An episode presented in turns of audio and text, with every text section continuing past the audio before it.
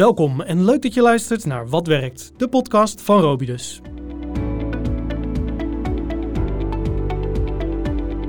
Vandaag spreek ik met Mick Natief, COO van Robidus. We praten over welke impact de coronacrisis heeft. Denk aan thuiswerken, medewerkers betrokken houden, de mentale gezondheid, communicatie van medewerkers op afstand. Ja, en hij deelt zijn ervaringen van Robidus zelf, die van klanten en die van zijn team. Mick, van harte welkom. Wat leuk dat je er bent. Ik ben blij dat ik eh, mee mag doen aan deze podcast. Ik ben een van de directieleden van Robidus. Ik werk er inmiddels uh, eh, 13 jaar. Uh, tijd gaat snel. daarvoor heel lang bij IBM gewerkt. En eigenlijk heel blij bij Robidus te kunnen werken aan het inzetbaar houden van de hele beroepsbevolking van Nederland. Het is een mooi streven en een mooi doel. En zeker in deze coronatijd behoorlijk actueel. Ja, wij, bellen via een, via een online call. En um, kunnen, kunnen nu nog niet uh, bij elkaar zijn. Maar leuk, uh, leuk om je te spreken. Um, ja, van de ene op de andere dag moest je eigenlijk met je hele afdeling moest je de boel inpakken en online gaan werken. Ja, hoe, heb je dat, uh, hoe heb je dat aangepakt? Ja, nou, dat, eigenlijk waren er een paar uitdagingen. We hebben allereerst een corona-crisisteam opgericht. Daar zit ik in, en iemand van HR en iemand van de ICT. en daar hebben we mee zitten brainstormen hoe het te regelen. En eigenlijk bleek dat we best goed uh, uitgerust waren om thuis te kunnen werken. Alleen het is niet iets wat mensen van nature heel gauw doen. Het is ook iets wat leidinggevenden best moeilijk vinden, want je wilt toch een beetje overzicht en grip houden. Maar ja, wij zijn een redelijk uh, taakgestuurde organisatie, wat inhoudt dat mensen weten wat ze moeten doen en gewoon hun taken kunnen afwerken. eigenlijk zou het niet heel veel uit moeten maken waar je je begeeft en waar je, waar je bent om te kunnen werken. Uh, we hadden één bottleneck, dat waren het aantal VPN-verbindingen. Want we werken natuurlijk met heel veel privacygevoelige informatie. Dus het mhm. moet wel goed veilig en encrypted zijn. Nou, daar heeft de ICT-afdeling geweldig werk verricht om heel snel over te schakelen naar een nieuw VPN-platform. En dat is wonderbaarlijk goed en snel gelukt. Uh, en toen konden we eigenlijk gewoon aan de gang. En dan kreeg je wel meteen het, eigen, het, het, het, grote vraagteken wat we allemaal hadden. Hoe houden de mensen zich? Hoe houden we ze betrokken? Hoe zorgen we dat ze mentaal weerbaar blijven en, en het wijgevoel behouden en zich bij Robus verbonden voelen? Waren dat ook gelijk, sorry, waren dat gelijk ook dingen waar jullie, waar jullie uh, je zorgen over maakten? Stond ja, die gelijk op de agenda? Ja, die stond eigenlijk vanaf dag één op de agenda. En, en wat wel zo is, is wij werken al heel lang binnen Robidus met uh, maandstart, weekstart en dagstarts per afdeling. Mhm. En daar hadden we natuurlijk wel een platform om goed de pijlstok erin de, eh, in te stoppen en te kijken van hoe het gaat. Uh, dus wat we hebben gedaan is om de dag met de directie en uh, managers, dat zijn een man of 18, om de dag een call ge, georganiseerd, s ochtends vroeg. Hoe gaat het met jou? Hoe gaat het met je afdeling?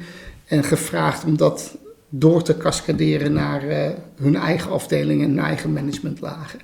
En we zijn met ruim 400 mensen, maar als je dat op die manier spreidt, kwam daar redelijk goed en snel feedback terug naar boven van wat we moesten aanpakken, wat er anders moest en, en waar de problemen zaten. En daar hebben we ook specifiek elke keer naar gevraagd. Wat loopt er niet lekker? Uh, welke mensen moeten we extra aandacht geven? Welke groepen van mensen? Mm -hmm. En daar konden we toen redelijk snel acties op ondernemen. En wat waren dan zaken die dan naar boven kwamen? Eh, ik kan me zo nou, voorstellen bij een grote organisatie dat het echt een worsteling is.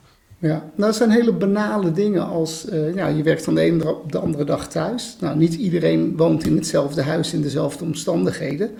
Dus uh, allereerst hebben we gekeken van, hey, heeft iedereen wel uh, een goed scherm, een goed bureau, zijn toetsenbord? En toen hebben we een ludieke actie gedaan met een bedrijf wat levert aan de horeca van de een op de andere dag uh, niks meer uh, te leveren had, zo'n beetje. Dus uh, het bedrijf Meat Street, maar die waren wel heel goed gewend om routes te rijden langs al die restaurants door heel Nederland. Dus toen hebben we samen met hun hebben we geregeld dat er bureaustoelen, schermen, muizen, toetsenborden verspreid werden over onze medewerkers. Dat was een beetje een ludiek tintje. We helpen bedrijven die het moeilijk hebben.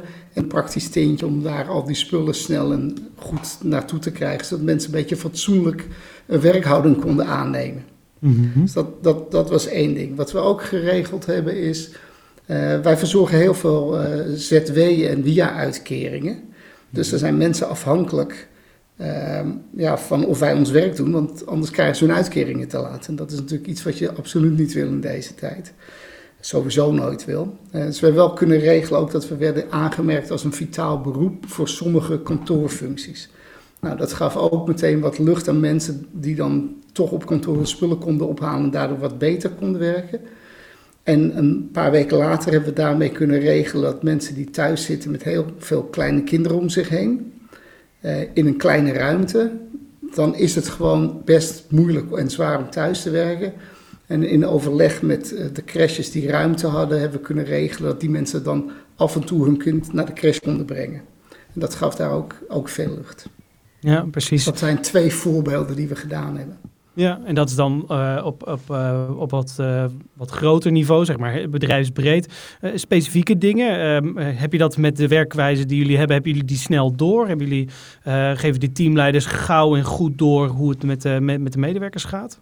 Ja, dus wat, wat er echt naar voren kwam, en als generiek iets via de lijn omhoog, zeg maar, was echt mensen die alleen zijn. Mensen die mhm. alleen thuis zitten, in een appartement wonen, de hele dag binnen zitten, af en toe wel eens een wandeling kunnen maken, maar die beginnen zich redelijk geïsoleerd te voelen. En dat leidde tot best wel wat uh, ja, mentale problemen. Dus extra aandacht aan die mensen geven, ze betrekken en bij, bij je houden, dat, dat werd cruciaal. Nou, daar hebben we een aantal dingen gedaan. Ook weer een keer een ludieke actie met Flora Holland, die toen in het nieuws kwam dat het zo slecht ging. Dat was Alle medewerkers een bloemetje gestuurd en bedankt dat ze zo hun best deden. Even iets van je laten horen. Uh, wat we ook hebben gedaan is een vlog. Elke week wordt er een vlog gestuurd. Waarbij een medewerker vertelt hoe die omgaat met het thuiswerken. En het gevaar daarbij is natuurlijk dat het wordt een steeds leukere vlog. Dus op een gegeven moment durft niemand meer een vlog te maken. Zoals als je een kerstdiner met vrienden hebt en dat doe je elk jaar, wordt dat mooier en mooier. Ja, dan moet je op een gegeven wordt elke keer hoger. moet er op een gegeven moment iemand gewoon weer boerenkool op tafel zetten. Ja, precies. ja. Dus uh, dat brengen we er nu ook in. Dat mensen weer durven dat te doen. Maar daar, daar kwamen best hele mooie en goede tips uit. Hoe je even kan ontspannen. Um, ja, toch je werk kan doen en toch een beetje afleiding kan hebben. Zijn er een aantal tips die er zijn bijgebleven waarvan je zegt, ja, die, eh, dat is voor de luisteraars ook leuk om dat uh, mee te maken. Je noemt een aantal goede praktische voorbeelden, maar wat zijn voorbeelden die uit die vlog zijn gekomen bijvoorbeeld? Nou, wat wel heel grappig is, en ik realiseerde mezelf dat ik dat niet uh, vaak deed, of, tenminste in Zandam deed ik dat vaak.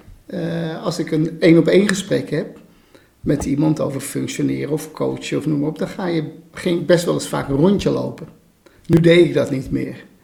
Maar wat, uh, ik had dus een één op één en die ander zei tegen me, joh, waarom lopen we niet even een rondje? En toen dacht ik, ja, waarom ook eigenlijk niet? Je kan ook gewoon een rondje lopen en met elkaar bellen. Dat, dat, sindsdien doe ik dat weer veel vaker. En dan merk je dat je dan toch eventjes in een andere omgeving bent dan aan, in mijn geval, de eethoektafel. Want mijn hele huis is bezet met schoolgaande kinderen die online lessen hebben en een vrouw die altijd thuis werkt. Mhm. Dus ik had zelf nog zelf ook geen bureau.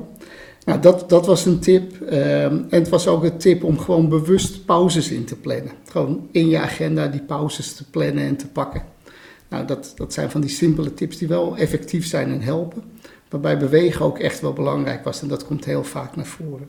Ze waren hele ludieke filmpjes hoe je met gebruikmaking van je kinderen als hindernisbaan een parcoursje kunt uitzetten, dat soort dingen. Dus dat uh, bewegen en af en toe afschakelen, dat is heel belangrijk, denk ik. Ja.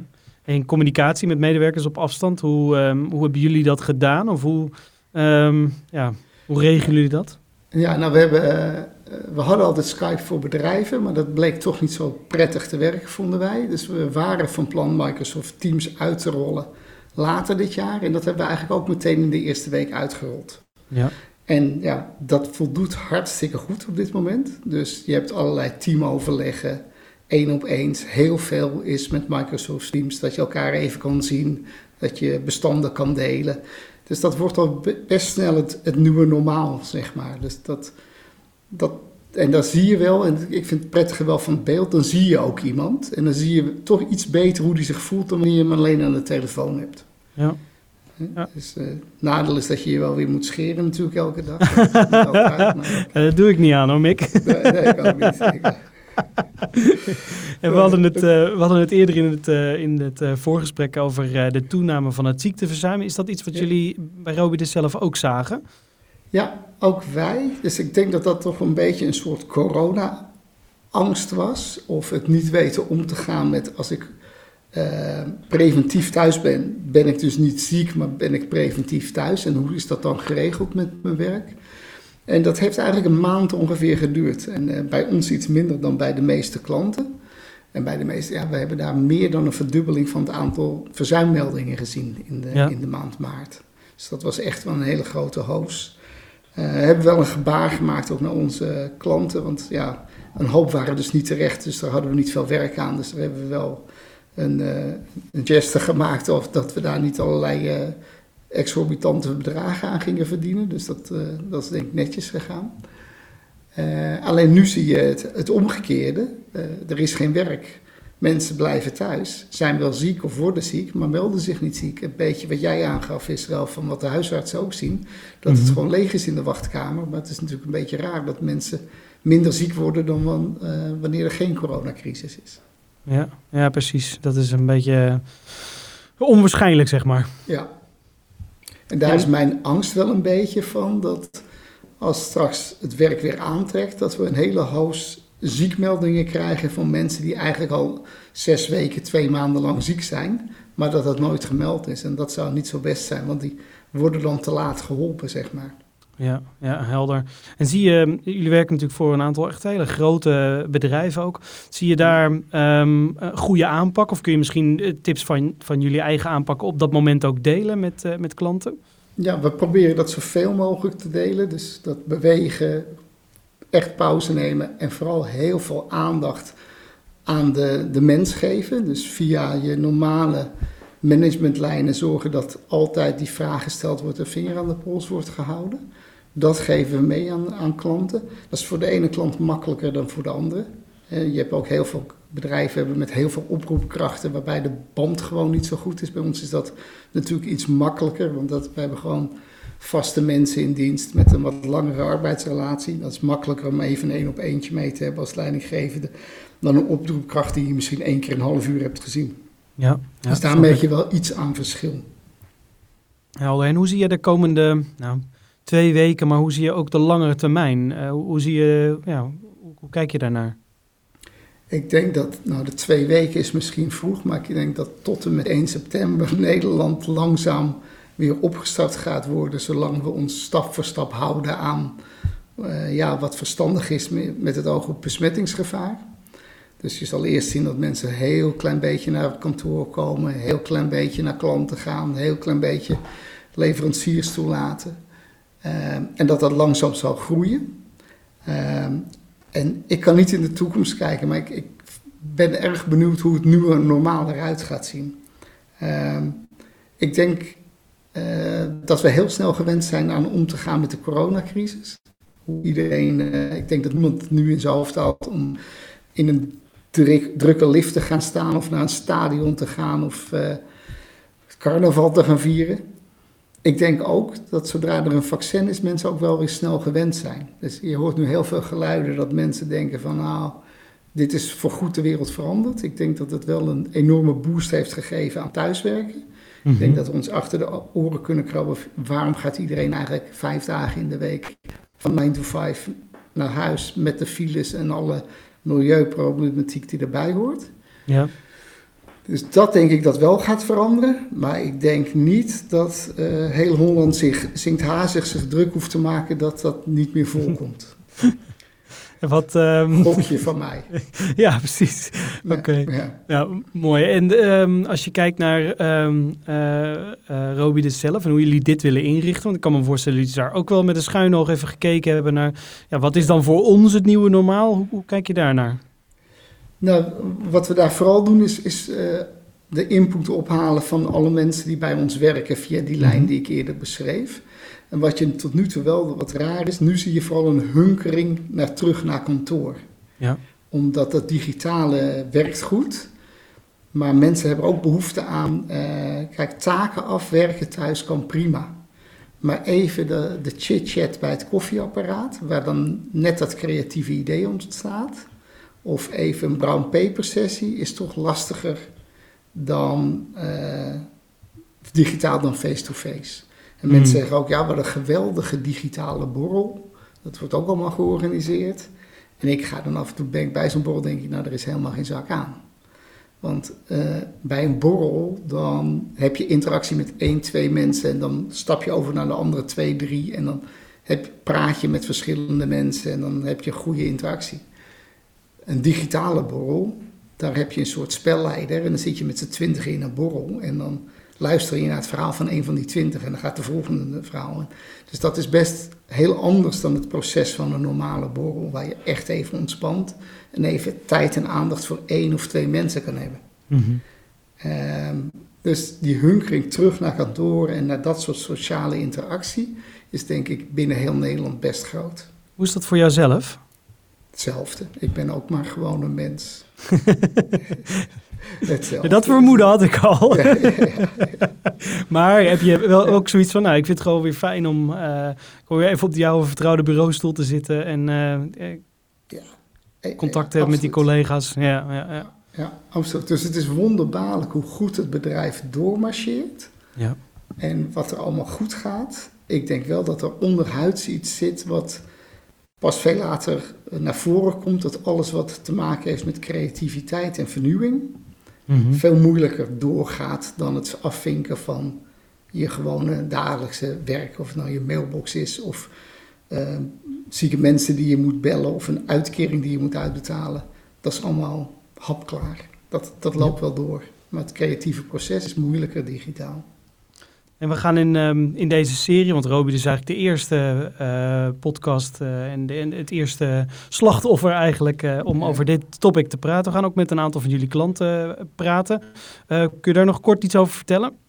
Nou ja, wat ik wel mooi vind is de creativiteit. Ik, ik gaf net af op het, hoe moeilijk het is om creatief te blijven, maar ik denk dat wel heel veel bedrijven heel creatief zijn geweest hoe ze zich konden aanpassen aan het digitaal werken. Ehm, en ik zie het bij bedrijven, maar ik zie het ook bij de scholen van mijn kinderen. Het loopt gewoon allemaal best door. Mhm. Dus, ehm, en mijn dochter moest eindexamen doen. En dan wordt, eh, moet ze er het telefoontje moet ze de kamer laten zien. Dan via Microsoft Teams. Eh, ze moet het scherm, of de muur achter de scherm laten zien bij Microsoft Teams. Dat ding moet neergezet en wordt gesurveilleerd via Microsoft Teams. En via Zoom of iets anders maken ze dan hun examen. Nou, dat vond ik best creatief hoe ze dat surveilleren tijdens het examen hadden opgelost. Ehm, ik zie ook eh, klanten van ons, zoals Kindante, die dan heel snel zijn overgeschakeld naar digitaal lesgeven.